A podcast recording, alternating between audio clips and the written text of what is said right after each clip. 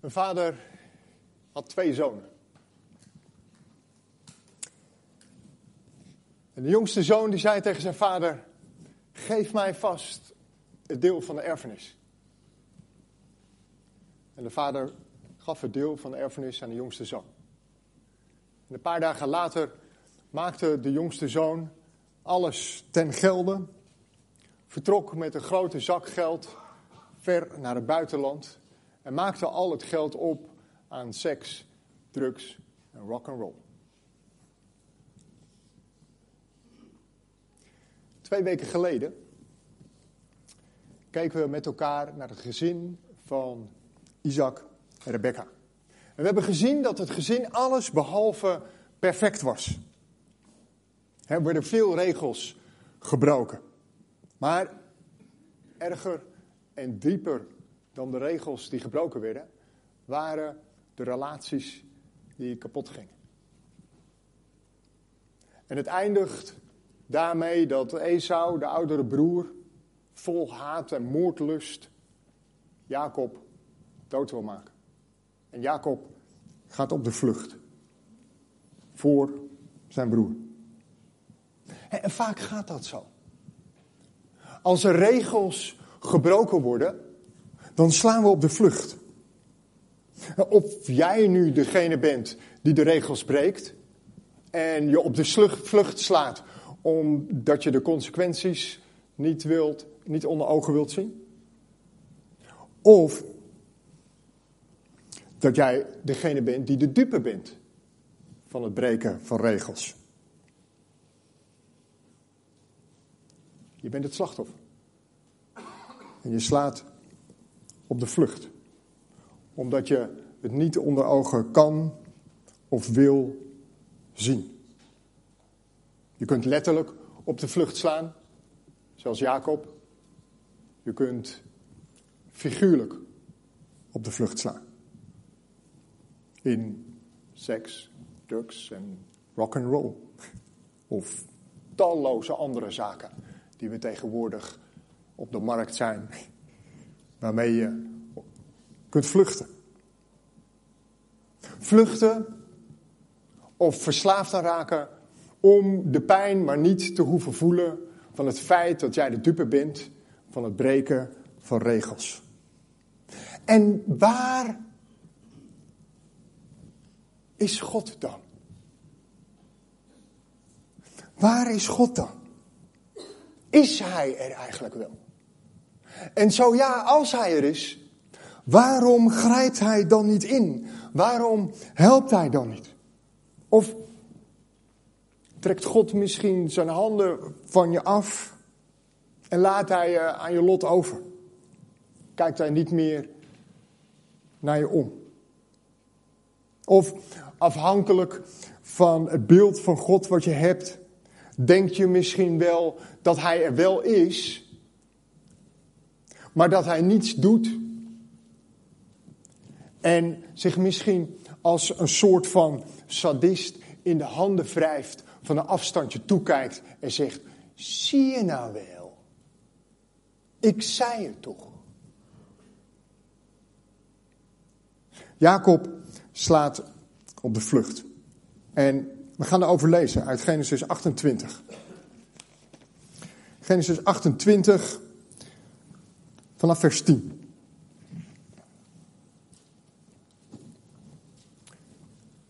Jacob verliet dus Berseba en ging op weg naar Garan.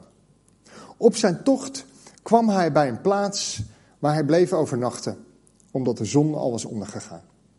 Hij pakte een van de stenen die daar lagen legde die onder zijn hoofd en ging op die plaats liggen slapen.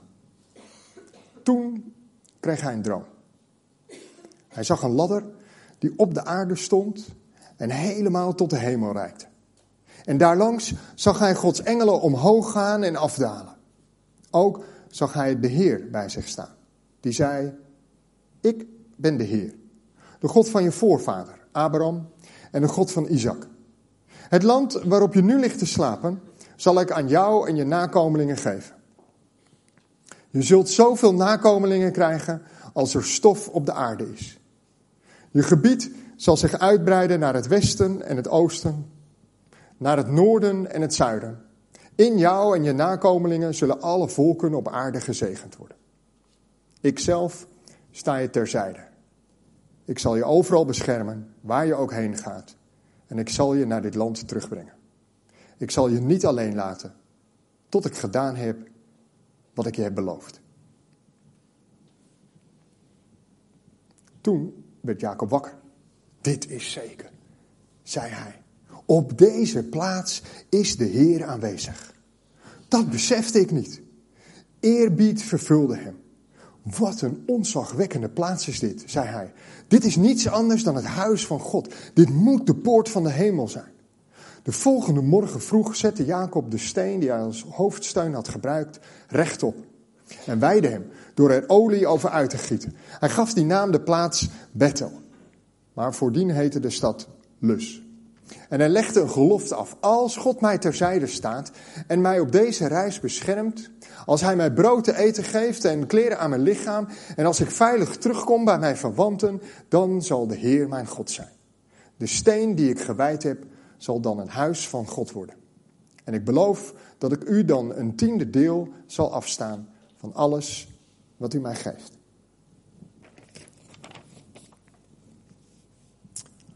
God zoekt Jacob op. Weet je nog? Jacob. Jacob die bedrieger.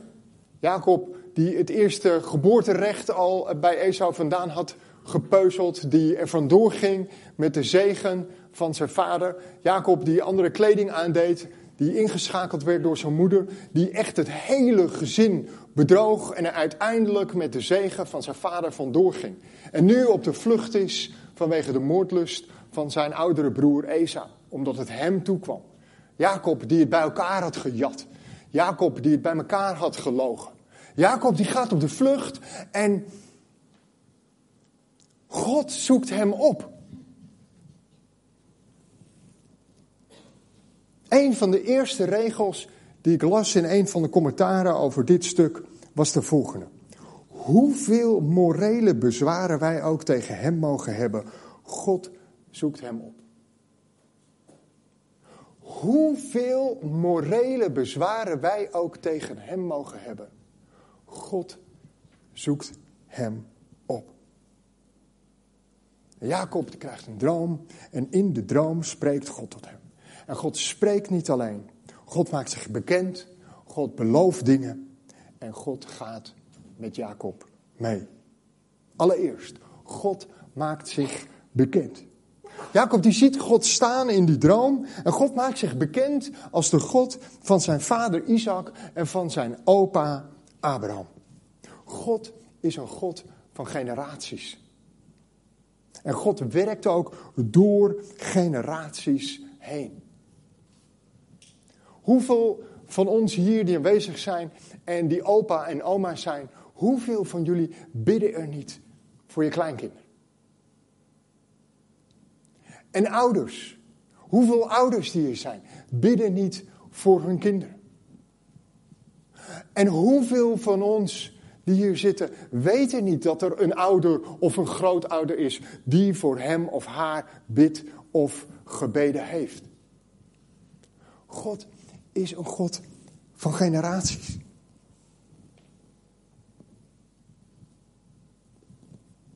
En als je hier zit als tiener, en misschien moet je het even checken straks thuis. Of je ouders voor je bidden. En afhankelijk van het antwoord kan je een goed gesprek erover hebben. God is een God van generaties. En zo maakt hij zich ook aan Jacob bekend. De God van je vader en de God van je opa. Juist in die omstandigheden die zo anders zijn dan normaal. Want hij heeft zijn gezin achter zich gelaten. Hij heeft zijn land achter zich gelaten. En hij is op de vlucht. En juist in die omstandigheden die anders zijn dan normaal, kan God zich zomaar aan ons, aan jou bekendmaken. Eventjes in een andere setting. Eventjes in een andere context. Eventjes in een andere situatie. En dan opeens oh, is God daar. En spreekt hij. En maakt hij zich bekend aan als je teruggeworpen bent op jezelf, zoals Jacob. Misschien ben je er dan wel gevoeliger voor. Ik weet niet hoe dat werkt. Als je in een andere situatie bent of in een ander land bent, of als je teruggeworpen wordt op jezelf, dat je dan gevoeliger wordt voor de stem van God. Je moet het natuurlijk wel willen. Je moet het natuurlijk ook wel willen zien dat God spreekt. Jacob, die sliep. En Jacob die had het ook gewoon van zich af kunnen schudden als zijnde van, ah nou, dat was een of andere stomme droom en uh, ik ga gewoon weer verder, hopsakee, want uh, ik voel de hete adem van Esau in mijn nek. Had gekund. Maar hij doet het niet. Hij wordt wakker en zijn conclusie is hier, op deze plaats is de Heer aanwezig. Dit is het huis van God. En je beeld van God bepaalt of je ook gelooft en of je erop vertrouwt dat God aanwezig is en dat Hij zich bekend maakt. En dan in het vervolg van de versen die we lazen, zien we dat God ook belooft. God belooft. De belofte aan Abraham en de belofte aan Isaac wordt herhaald aan Jacob. God belooft aan Jacob, ondanks Jacobs leugen en bedrog. Laat God hier aan hem weten dat zijn belofte staat. En dat hij zich houdt aan zijn woord. En dat hij zijn belofte nakomt. En dat die belofte in vervulling zal gaan.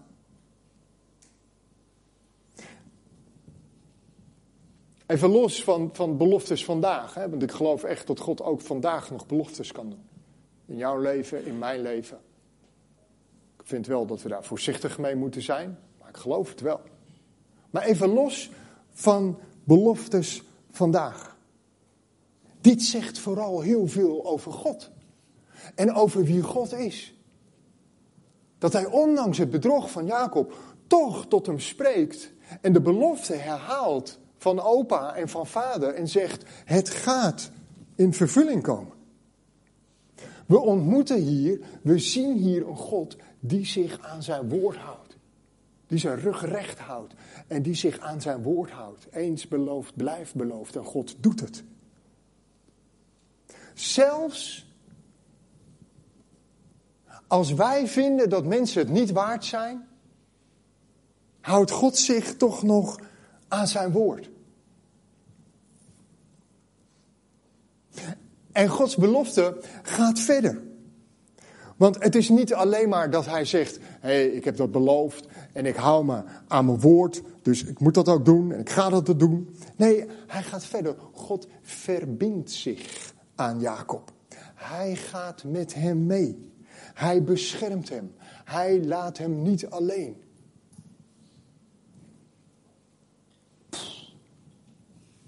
Weet je, ik weet niet hoe dat bij u of bij jou is.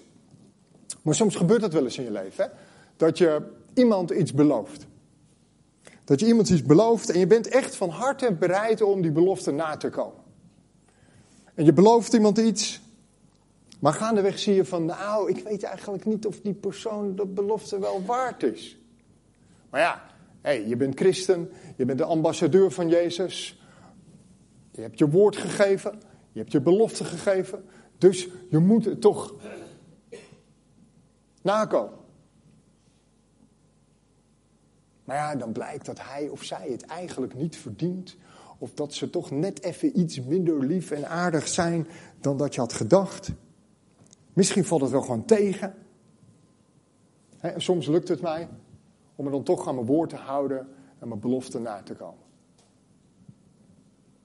Soms denk ik ook, hé, weet je, zoek het uit. Je verdient het niet. Je bent het niet waard.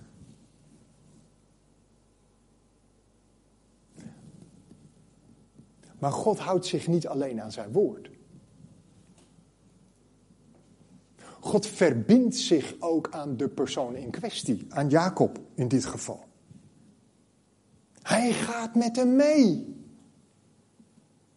Dus niet alleen maar de belofte nakomen, nee, ook nog eens meegaan met die persoon. Ook nog eens verbinden aan die persoon.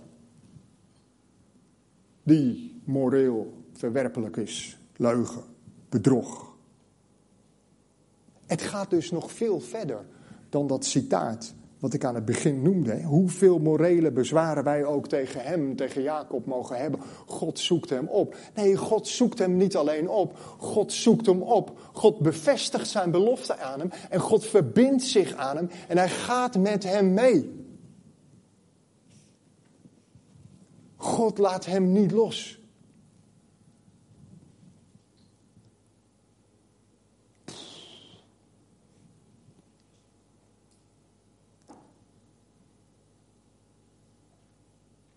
Is dat niet de kern van het evangelie? Ontmoeten we in Jezus niet God? Ontmoeten we in Jezus niet de God die ons opzoekt, die belooft en die zich verbindt aan ons?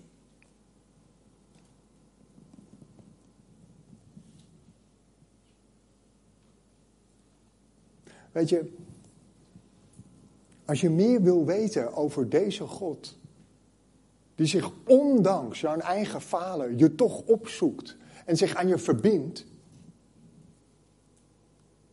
schiet dan alsjeblieft iemand aan straks na de dienst. Er is een gebedsteam, je mag naar mij toe komen. Maar laat die kans niet voorbij gaan. En als je zelfs in de diepte wilt investeren, Vraag dan even aan iemand naar de Alpha-cursus die over één of anderhalve week start. Want dit is de kern van het evangelie. Dit is het beeld van God die hier aanwezig is. Hij zoekt jou op. Hij geeft zichzelf aan jou. Hij verbindt zichzelf aan jou. En hij wil niets liever dan met jou meegaan.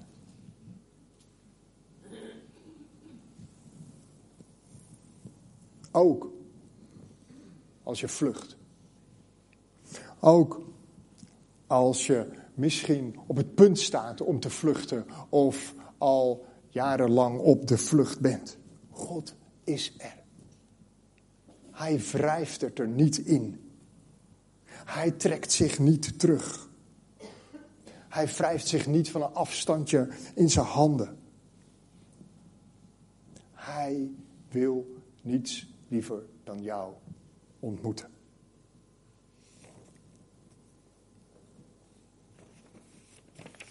We gaan zo meteen zingen. Een lied. En in dat lied zingen we: Ik ren naar u toe. Weet je, misschien is dat te veel van het goede. Of is dat voor nu te veel gevraagd om naar God toe te rennen? Maar hey, als rennen te veel gevraagd is, dan mag wandelen ook. Wat? Dan mag kruipen ook. Misschien is het, is het al voldoende om je gewoon om te draaien en je richting, je blikrichting weer richting God te houden. Waar het om gaat, is dat je stopt met vluchten. En dat je net zo als Jacob beseft dat God er voor je wil zijn.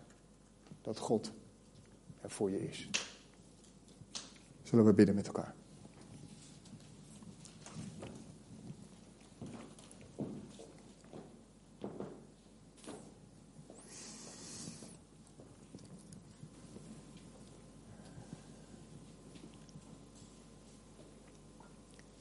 Vader in de hemel,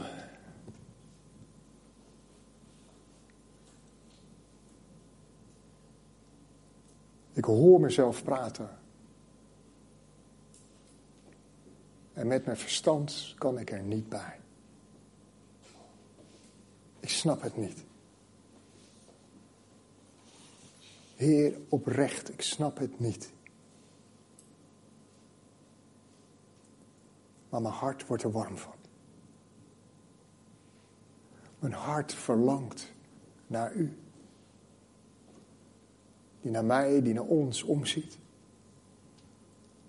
Die ondanks onze tekortkomingen, dat u toch uw hand uitsteekt.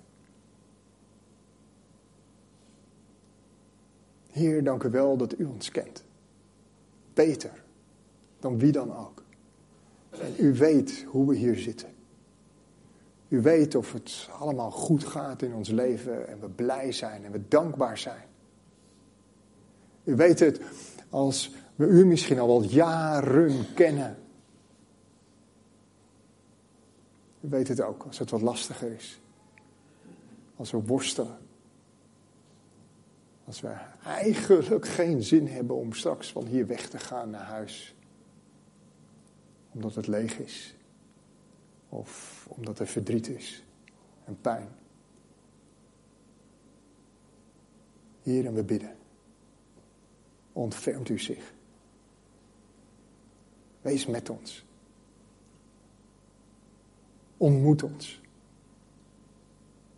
Ga met ons mee en help ons om ons opnieuw of voor het eerst weer naar u terug te keren en naar u toe te lopen, te wandelen of misschien zelfs wel te rennen.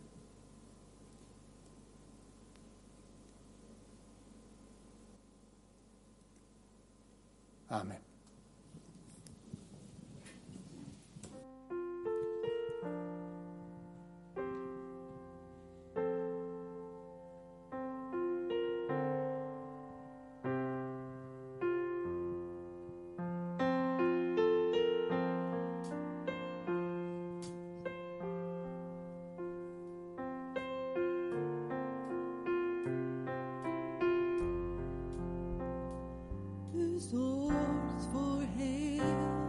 Tot ik